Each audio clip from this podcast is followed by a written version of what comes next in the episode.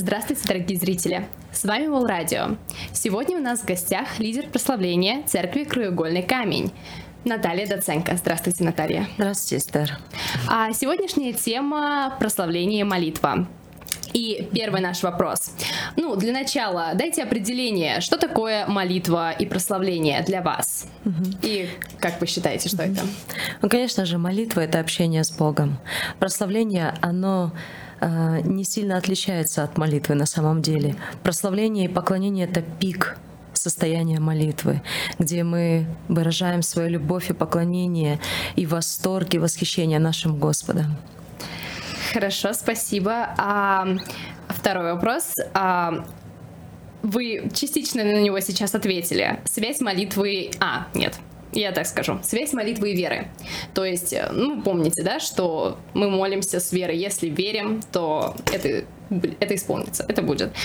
Как вы это объясните? То есть, есть ли большая между ними связь или нет?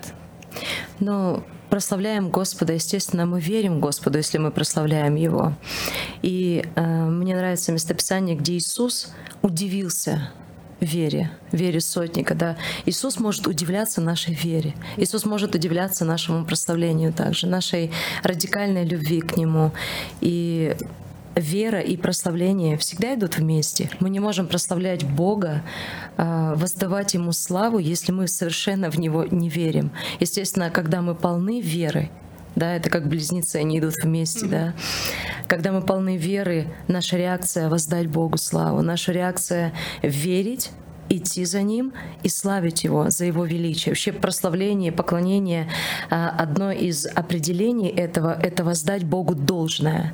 И когда мы наполнены верой, мы готовы идти, мы готовы делать великие вещи для Бога. И, естественно, наше сердце поет. Мы не можем не петь, мы не можем не славить Его, понимая Его величие. Почему мы верим? Потому что мы понимаем и осознаем величие Бога в своей жизни. Любой человек, осознающий величие Бога в своей жизни, он не может не славить Бога. Автоматически человек, который познает величие Божье, он начинает славить Бога. Э, также в Писании написано, что если мы перестанем славить, камни возопьют. Почему? Что за принцип между этим? Потому что величие Бога, оно, оно повсюду. И человек, позна, познающий величие Бога, он наполняется прославлением и поклонением. Чем больше мы познаем Его величие, тем больше наши руки поднимаются, сердца открываются, открываются наши уста и говорят «Слава Богу! Спасибо, Господь! Велик Ты, славен Ты! Поклоняемся Тебе, величаем Тебя!» А как насчет э, местописания, где говорится, что если у вас будет вера с горчичное зерно, то, ну, если попросите, если прикажете горе, это, как вы думаете, молитва или а, молитва это что-то немного другое, то есть а, когда ты молишься, а, это вера с горчичное зерно. Если Бог, нужна. если Бог говорит, что достаточно угу. веры с горчичное зерно, значит это достаточно. Мне нравится вообще наш Господь. Я, я очень люблю нашего Господа. И Он э, действует, и категории Евангелия, они, оно не какими-то великими мерами или шагами. Если мы посмотрим Евангелие, там все что-то с маленького начинается. Вообще, кстати, человек рождается и а, появляется из семени, из маленького семени.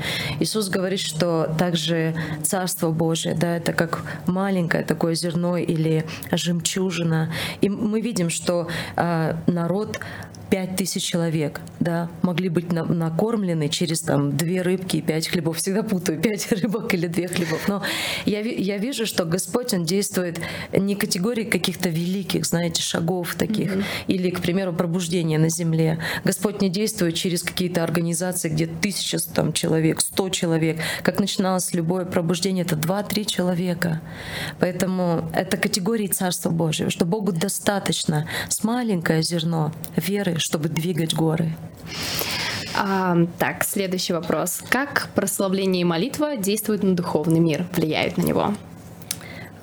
Напрямую как можно э, пользоваться инструментами физическими в духовном мире. Но молитва это как раз духовный инструмент mm-hmm. в наших руках.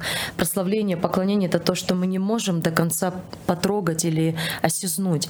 Это духовные инструменты в наших руках, которые действуют в духовном мире. Как Писание также говорит, что э, не воинством и не силой, но духом моим, говорит Господь, да. То есть это тот инструмент, который есть в руках у нас. Интересное местописание, что из уст младенцев и грудных детей ты устрояешь хвалу да, в их устах ради врагов, дабы сделать их безмолвными. И мы здесь видим мудрость Божью, насколько Он велик, насколько прекрасен наш Господь. Потому что младенец сам за себя постоять не может. Он, он, он как будто бы обезоружен, он беспомощен, младенец. Мы, многие из нас, да, мы держали младенца, мы понимаем, что младенец, он такой, он беззащитный. Но Господь настолько велик, настолько мудр, что Он устраивает хвалу в устах младенца. Для чего? Потому что ребенок не научен брани, ребенок не научен войне. Как может ребенок защитить себя или постоять за себя? Хвала. Бог вкладывает хвалу в его уста. И это потрясающая картина и прообраз, да, который Господь рисует нам через Писание. Как мы можем побеждать? Какой инструмент должен быть у нас? Часто мы плотью хотим как-то воевать, да, инструментами, которые воюют этот мир. Но у нас есть другой инструмент. Это молитва и это прославление. Мне также нравится очень сильно выражение эм, не знаю, кому оно принадлежит, но мне очень нравится, что когда мы молимся, Господь посылает ангелов. Мы видим это в Писании, это библейский, да, но когда мы славим Его, Он сам приходит. Поэтому хвала, поклонение, также молитва. Это, знаете, это как невидимая труба в наших руках. И как только мы ее берем и начинаем играть в нее, то есть она невидима, но это молитва и поклонение, и прославление. Как только мы начинаем играть в нее, Господь приходит. Это невидимый мир, это духовный мир. Я не понимаю до конца, как это работает, но это сверхъестественный инструмент в наших руках. Невидимые механизмы начинают включаться, как только молитва, прославление, поклонение начинают наполнять нашу жизнь. Невидимые инструменты, но они самые мощные, самые сильные инструменты.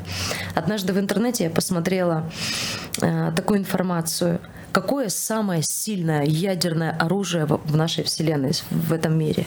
И вы знаете, э, мне попалась одна статья, что самое сильное оружие, которое есть на нашей Земле, это бомба Сахарова. Может быть, сейчас есть какие-то обновления, но на тот момент это было так. И вы знаете, я подумала, что молитва, прославление, поклонение высвобождает Божье присутствие, тот, кто сотворил всю Вселенную. И это настолько сильнее, чем бомба Сахарова. Почему? Потому что бомба Сахарова, что она может сделать? Она может только разрушить. Но интересно, что Божье присутствие, когда приходит и высвобождается, то дела дьявола разрушаются, но жизни и судьбы людей строятся заново. Это новые судьбы, это новые э, жизни людей, измененные жизни людей. И вот эти невидимые инструменты, они в жизни каждого христианина. Не только в команде прославления или у лидера прославления, или у пастора, или служителя, но в жизни каждого христианина и даже в жизни младенцев находится этот инструмент. А, так, может ли христианин жить без молитвы и прославления? Конечно. Ну, то есть, что происходит, угу. когда мы э, не молимся, не прославляем? Что происходит с нашей духовной жизнью? Угу. Хороший вопрос. Конечно, как э, Дерек Принц, по-моему, сказал, что все возможно верующему. Можно не молиться, можно не поклоняться, но наша жизнь на самом деле очень сильно изменяется. Э, мы перестаем слышать Бога, мы перестаем его переживать то, к чему мы были призваны, да, искуплены, для чего мы были искуплены для общения с Богом. Если мы перестаем применять или пользоваться этим великим благословением, общением с Богом, да, нахождением в Его присутствии, тогда мы, получается, помещаем себя в то же состояние, как мы были до церкви, до прихода к Господу. Я помню, как э, я пришла в церковь, мне было 12 лет, но с 6 лет я знала молитву «Отче наш», обращалась к Господу. Но я помню тот день, когда я приняла Иисуса Христа как своего Господа, как своего Спасителя. Я помню свое состояние, когда я шла по дороге из церкви.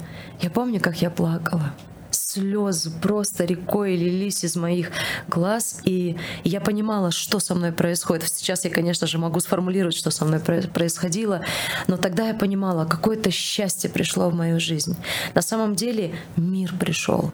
мир. Те отношения, которые э, человечество разрушило, да, вот этот доступ к Богу, мы не могли общаться с Богом, мы не могли сказать «папочка», мы не могли сказать, поднять руки и сказать «Господь». И вдруг его присутствие приходит. У нас не было этого в жизни. Я помню, когда мне было 8, 9, 10 лет, почему-то меня посещало такое состояние, что я не назову это какой-то э, патологической депрессией, да, моего возраста тогда.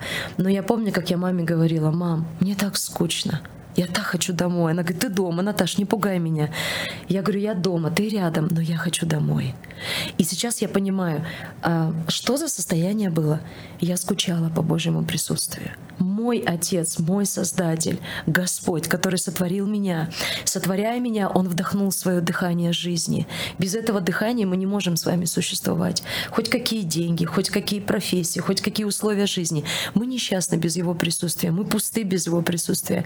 У нас теряется цель, у нас теряется гармония человеческого бытия. Мы не знаем, кто мы. Как один человек сказал, чем больше ты познаешь Бога, тем больше ты узнаешь себя. И вдруг в 12 лет я иду из церкви, приняла Иисуса Христа. На моих глазах слезы. Я иду домой, и я переживаю такое счастье. Почему? Мир Божий наполнил мое сердце. Установились отношения с Богом. Его присутствие прикоснулось ко мне. Я другой человек. Я живу на этой земле. Те же люди вокруг меня. Но я счастливый человек, потому что Бог со мной, Его присутствие со мной. И если мы привыкаем привыкаем ходить в церковь, если мы принимаем это как стандарт, мы перестаем молиться, мы перестаем читать Писание, мы перестаем прославлять Господа, мы перестаем наполнять себя этим миром, да, этим Божьим присутствием, тогда мы становимся пустые, мы становимся сухими, мы становимся критиками. Как есть хорошая, потрясающая проповедь у Джентезина Франклина, что мы болеем с похмелья мы начинаем болеть с похмелья, потому что э, христиане призваны э, пить от Духа Святого, пить от Его присутствия. Тогда у нас не болит голова, тогда мы не критикуем, тогда мы живем радостной жизнью, полной жизнью. Мы служим, мы любим людей, мы любим Бога. Но как только мы перестаем пить из Его источника, мы становимся сухим христианством, который как бы болеет с похмелья, которых голова болит, вокруг все плохо, жизнь плохо и так далее. Но когда мы наполняем себя Его присутствием, нам хочется служить, нам хочется любить, нам легко служить, нам легко славить Бога. Как я помню, даже э, Джан Тазин в этой же проповеди, он привел, привел такую фразу, она есть у нас, что пьяном море по колено. То есть мы готовы для Бога просто горы свернуть, поехать на миссию, сделать то, что никто не может делать ради Бога. Как мы это делаем? Не тогда, когда мы сухие, но когда мы наполнены Его присутствием, когда мы наполнены Его водой, Его рекой, Его миром, Его радостью. Это опасное христианство, я имею в виду для врага, да, которое наполнено Божьим присутствием. Аминь. А, так, зачем Богу наше прославление? То есть у, у Господу вся слава, у Него слава есть, и Он ее нам дает. Зачем э, нуждается, нуждается ли Бог в этом прославлении, или это больше нужно для нас? Я не эксперт в этом, но я знаю, что это доступ для нас. Когда мы славим Бога, мы так сотворены, это дизайн человека славить Бога то мы, мы, мы переживаем его присутствие. К примеру, есть у каждой вещи, да, в том числе и у человека есть свой дизайн. Ну, к примеру, мяч, который, э, я не знаю, как правильно называется, когда мы играем в кегли, да, это тяжелый мяч. Mm-hmm. И вы знаете, он настолько тяжелый, там есть три дыры для отверстия, да, для пальцев. Мы как бы кидаем его, есть своя техника этой игры. Но интересно, если этот же мяч, да, такой тяжелый, поместить на футбольное поле, да, и дать его для игры. Это не дизайн этого мяча. Многие э, футболисты переломают свои ноги, да, если будут играть этим мячом. То же самое у человека есть свой дизайн. Мы сотворены так, чтобы славить Бога а, потому что славя Бога, мы переживаем Его присутствие, мы переживаем встречу с Ним наше, наше, меняется наше э, внутреннее состояние, меняются наши мысли, меняется наш взгляд на жизнь вокруг, меняется все. Божье присутствие меняет все. И также Господь э, он так, э, это, это было его волей, это было его решением создать именно так человека. Um, так, А прославление как призвание. Э, вы считаете, что ну, есть определенные люди, вот, например, вы лидер прославления, которые именно призваны прославлять Бога, то есть это главное призвание их жизни, или это больше дано каждому, и это призвание каждого? Но славить Господа — призвание каждого человека.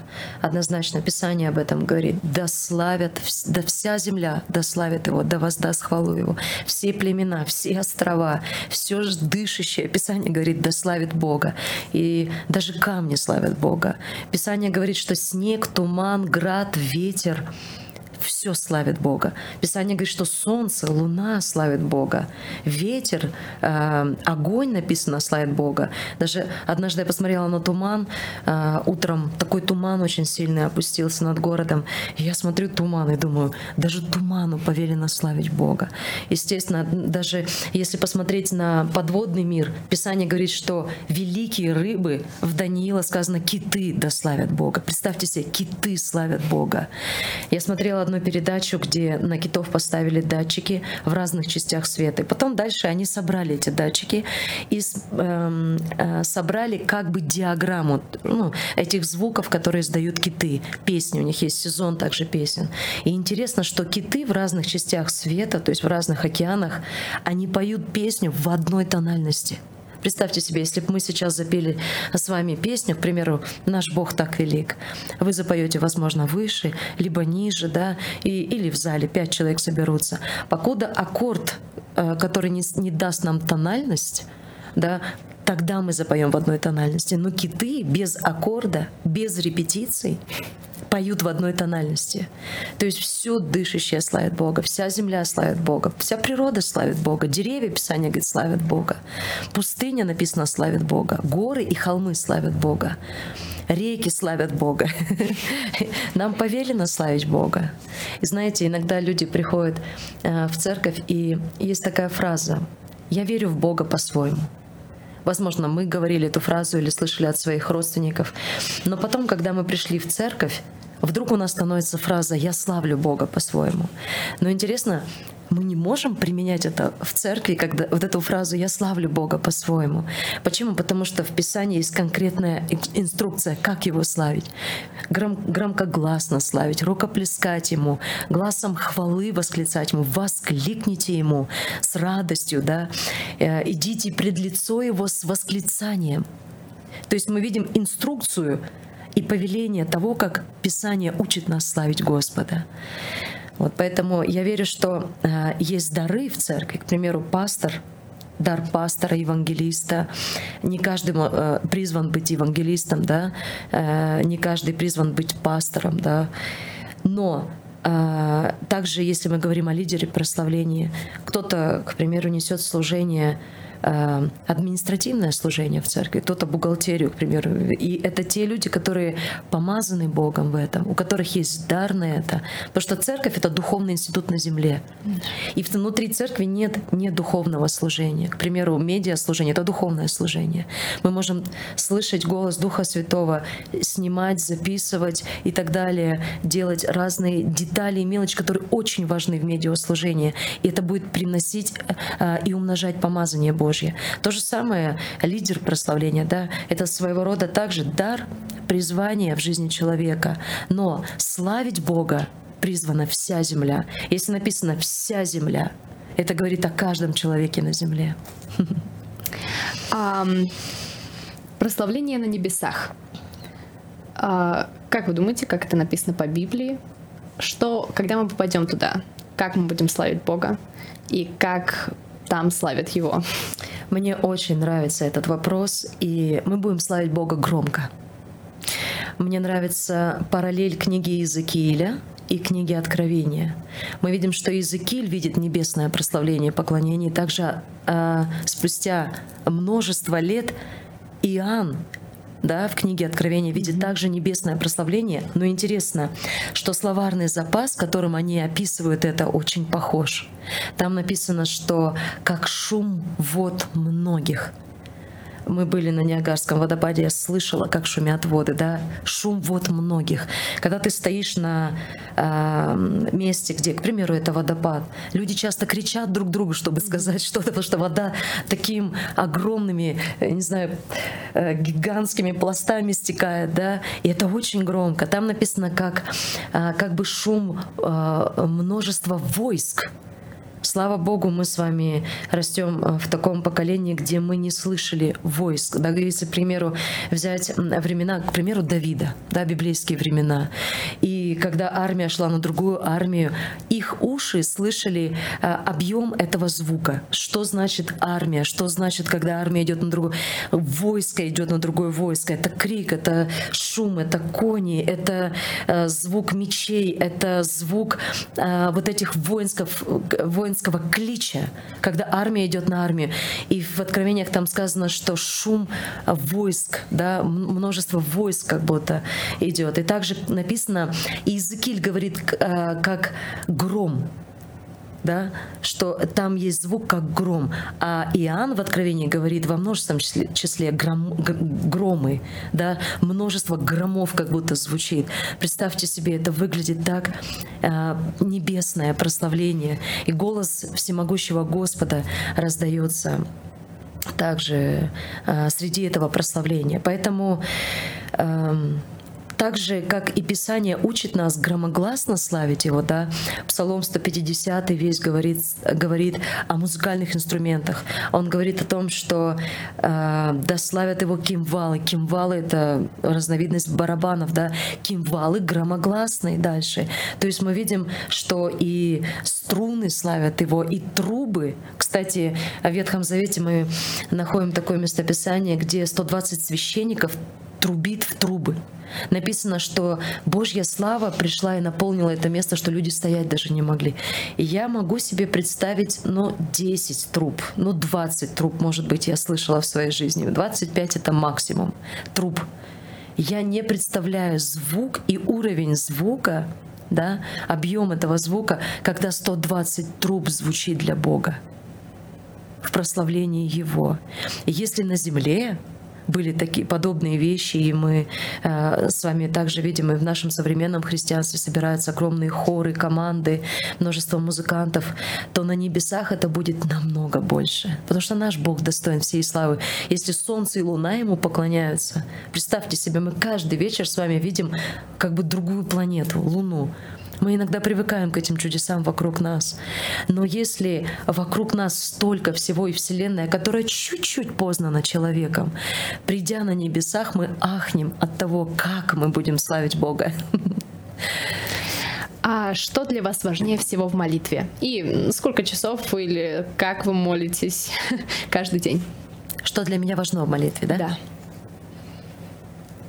Ну, как мы уже сказали, что молитва — это общение с Господом. Э, многочасовая молитва очень важна. Особенно, когда это, возможно, пост в жизни человека, либо это семидневный пост церкви, где мы да, уделяем огромное количество времени молитве, прославлению. Но каждодневная жизнь моя, я молюсь, и очень часто это делаю не просто по часам, не просто по какому-то времени. Вот утром я помолилась, и больше я не молюсь. У меня нету этого в жизни. Я постоянно молюсь. Я постоянно внутри себя нахожусь в диалоге с Господом.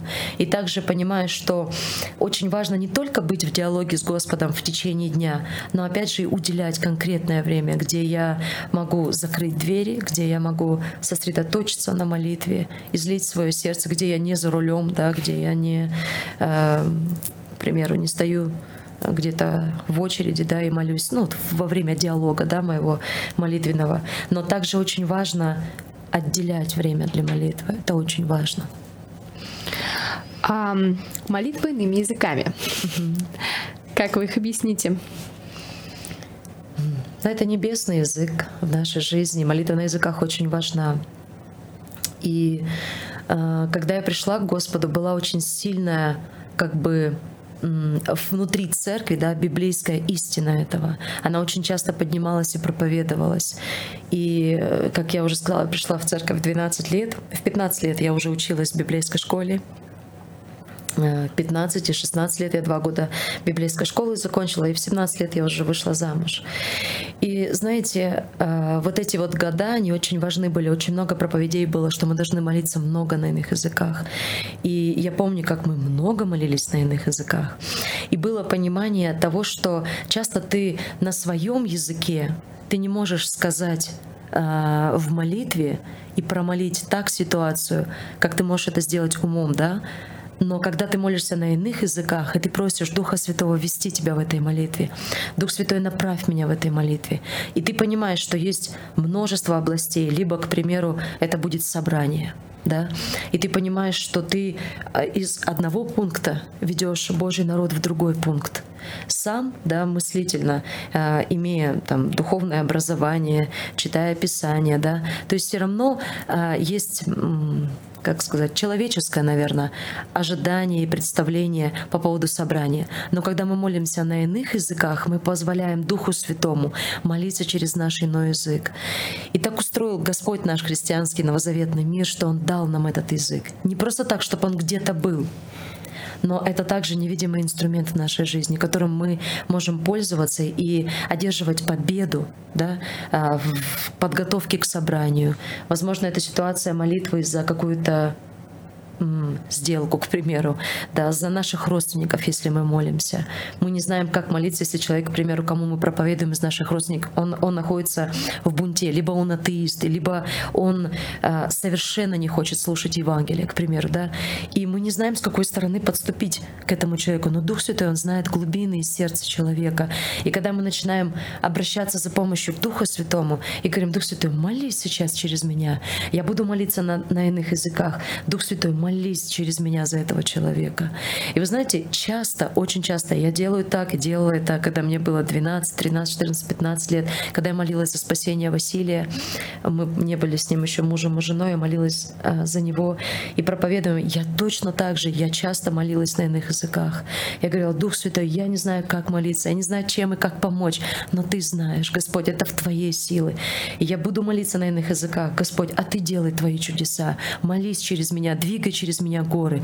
И я позволяла эм, в духовном мире, чтобы Господь, Он через этот молитвенный язык, Он совершал там сверхъестественные вещи. И духом я могла чувствовать это направление. Я не просто была э, с пустыми мыслями внутри себя, но я чувствовала внутри себя состоянием, куда движется Дух Святой. Это очень важно понимать, это очень важно иметь нам, как христианам, да, и это очень важно использовать в нашей жизни, потому что это приносит огромный плод. А, хорошо. А, помните в Евангелии от Иоанна 4 главе 20 стих, когда Иисус ну, сидел у колодца, и он разговаривает э, с женщиной, самаритянкой, и а, о, она говорит, что вы молитесь на одной горе, мы на другой. А, и Иисус говорит, что приходит время, когда настоящие поклонники будут поклоняться Богу в, ду- в духе истине. Что значит в духе истине? Это одна из самых моих любимых тем, этот вопрос. Почему? Потому что мы иногда думаем, что э, поклонение в духе и в истине, да, оно э, только лишь связано Возможно, музыка, возможно, это какая-то церковная литургия, где идет прославление, поклонение. Но интересно, Господь, Он ему настолько важно наше сердце. Бог есть дух, Писание говорит. Мы поклоняемся Ему в духе, мы не поклоняемся иконам, мы не поклоняемся изображениям. Но а, Писание, вот это как конкретное место, оно говорит, что поклоняющийся Богу должен поклоняться в духе, потому что Бог есть дух, и в истине. То есть истина должна стоять за нашим прославлением и поклонением. Мы все приходим в воскресенье, мы берем какие-то песни, да, вся церковь, и мы поем песню песню хвалы и поклонения. Но очень важно, чтобы за этой песней хвалы и поклонения стояла наша истинная, подлинная жизнь. Потому что вес песни, да, вес поклонения становится тогда, когда за этим стоит истина, то есть наша жизнь когда мы соответствуем нашей песне. Наша жизнь соответствует нашей песне поклонения. Приведу пример, э, наверное, таким прообразом. К примеру, муж приходит домой, и жена знает, что он изменяет ей. И он приходит домой и говорит, дорогая, я тебя так люблю. И он тянет свои объятия к ней. Какая реакция будет у этой жены? Жена оттолкнет эту песню. Да, она не примет эту песню. Но если а, также и муж, да, то же самое сделает. Но если муж приходит домой, и жена знает о его верности, жена знает, что он работает для того, чтобы обеспечить семью, что он верный, что он заботливый, что он любящий, что это друг ее жизни, что э, у них сходятся их приоритеты, да, их заповеди между друг другами, да, их завет, он сходится. И когда муж приходит домой, и она знает это. И он говорит, дорогая, ты самая лучшая, ты самая потрясающая жена, я тебя так люблю. И он потянет свои объятия к жене. Какая реакция будет жены? Жена обнимет его, Жена скажет, я, дорогой, я так люблю тебя. То же самое хвала и поклонение в духе и в истине. Когда мы в песнях протягиваем свои руки к Богу и говорим, что мы любим Его, за этим должна быть стоять истина. И интересно, наш Бог настолько мудр, настолько справедлив, настолько велик, что когда за этим стоит истина, Он подтвердит это своим присутствием. Он подтвердит это своими объятиями, потому что за этим стоит жизнь. За этой песней, за этим поклонением, прославлением стоит жизнь, стоит истина. Он подтвердит это своим присутствием. Вы частично ответили на следующий вопрос, наверное. А, меня часто спрашивают, что делать, если ты ничего не чувствуешь, когда прославляешь? Стоишь, вроде бы поешь, но ничего не чувствуешь. Знаете, что нам всем помогает в жизни? Искренность. Это очень сильный инструмент в наших руках — искренность. Сказать Богу об этом в момент прославления. И знаете, я думаю, что после первой минуты человек переживет э, изменения. Когда мы во время прославления стоим и говорим, Господь, я ничего не чувствую. Господь, я хочу чувствовать Твое присутствие. Я хочу наполниться Твоим присутствием. Господь, может быть, я в чем-то не прав. Прости меня. Господь, может быть, мои слова не в соответствии с Твоим словом, а, с Твоими заповедями. Господь, я, может, живу не так. Может, я огорчаю Тебя. Прости меня, Господь. Наполни мою жизнь. Дай мне быть человеком, который ходит в церковь, живет для Тебя и переживает Твою славу. Господь, научи меня славить так, чтобы чувствовать Твое присутствие. И знаете, когда мы искренне, это когда мы не играем маску, там, чтобы дальше хлопаем, если ничего не чувствуем, но когда мы искренне перед Богом, это был, было, кстати, сильной стороной Давида, нашего библейского героя, да, когда он искренне говорил, что вот э, враги ополчились вокруг меня, все ищут души моей. И, знаете, он плачет, он буквально плачет в этих псалмах. Он говорит, ну ты сила моя, но ты крепость моя. То есть, когда мы признаем в то, в чем мы находимся, что мы ничего не чувствуем, э, сухость вокруг нас, пустота вокруг нас, нам нужно сказать это Богу. Нам нужно сказать, Господь, я ничего не чувствую. А возможно, во время прославления преклонить свои колени перед Богом и сказать Ему, наполни меня, не могу жить без Тебя. Не могу просто так 30 минут прославления стоять и ничего не чувствовать. Господь, не хочу просто так проживать свою жизнь в церкви. Встать на колени и сказать, коснись меня, измени мою жизнь, измени, Господи, что я должен не так сделать, что я должен, э, э, Господь, сделать э, в своей жизни, применить, где я должен свои усилия, чтобы переживать Твой Твое присутствие, взять пост в конце концов.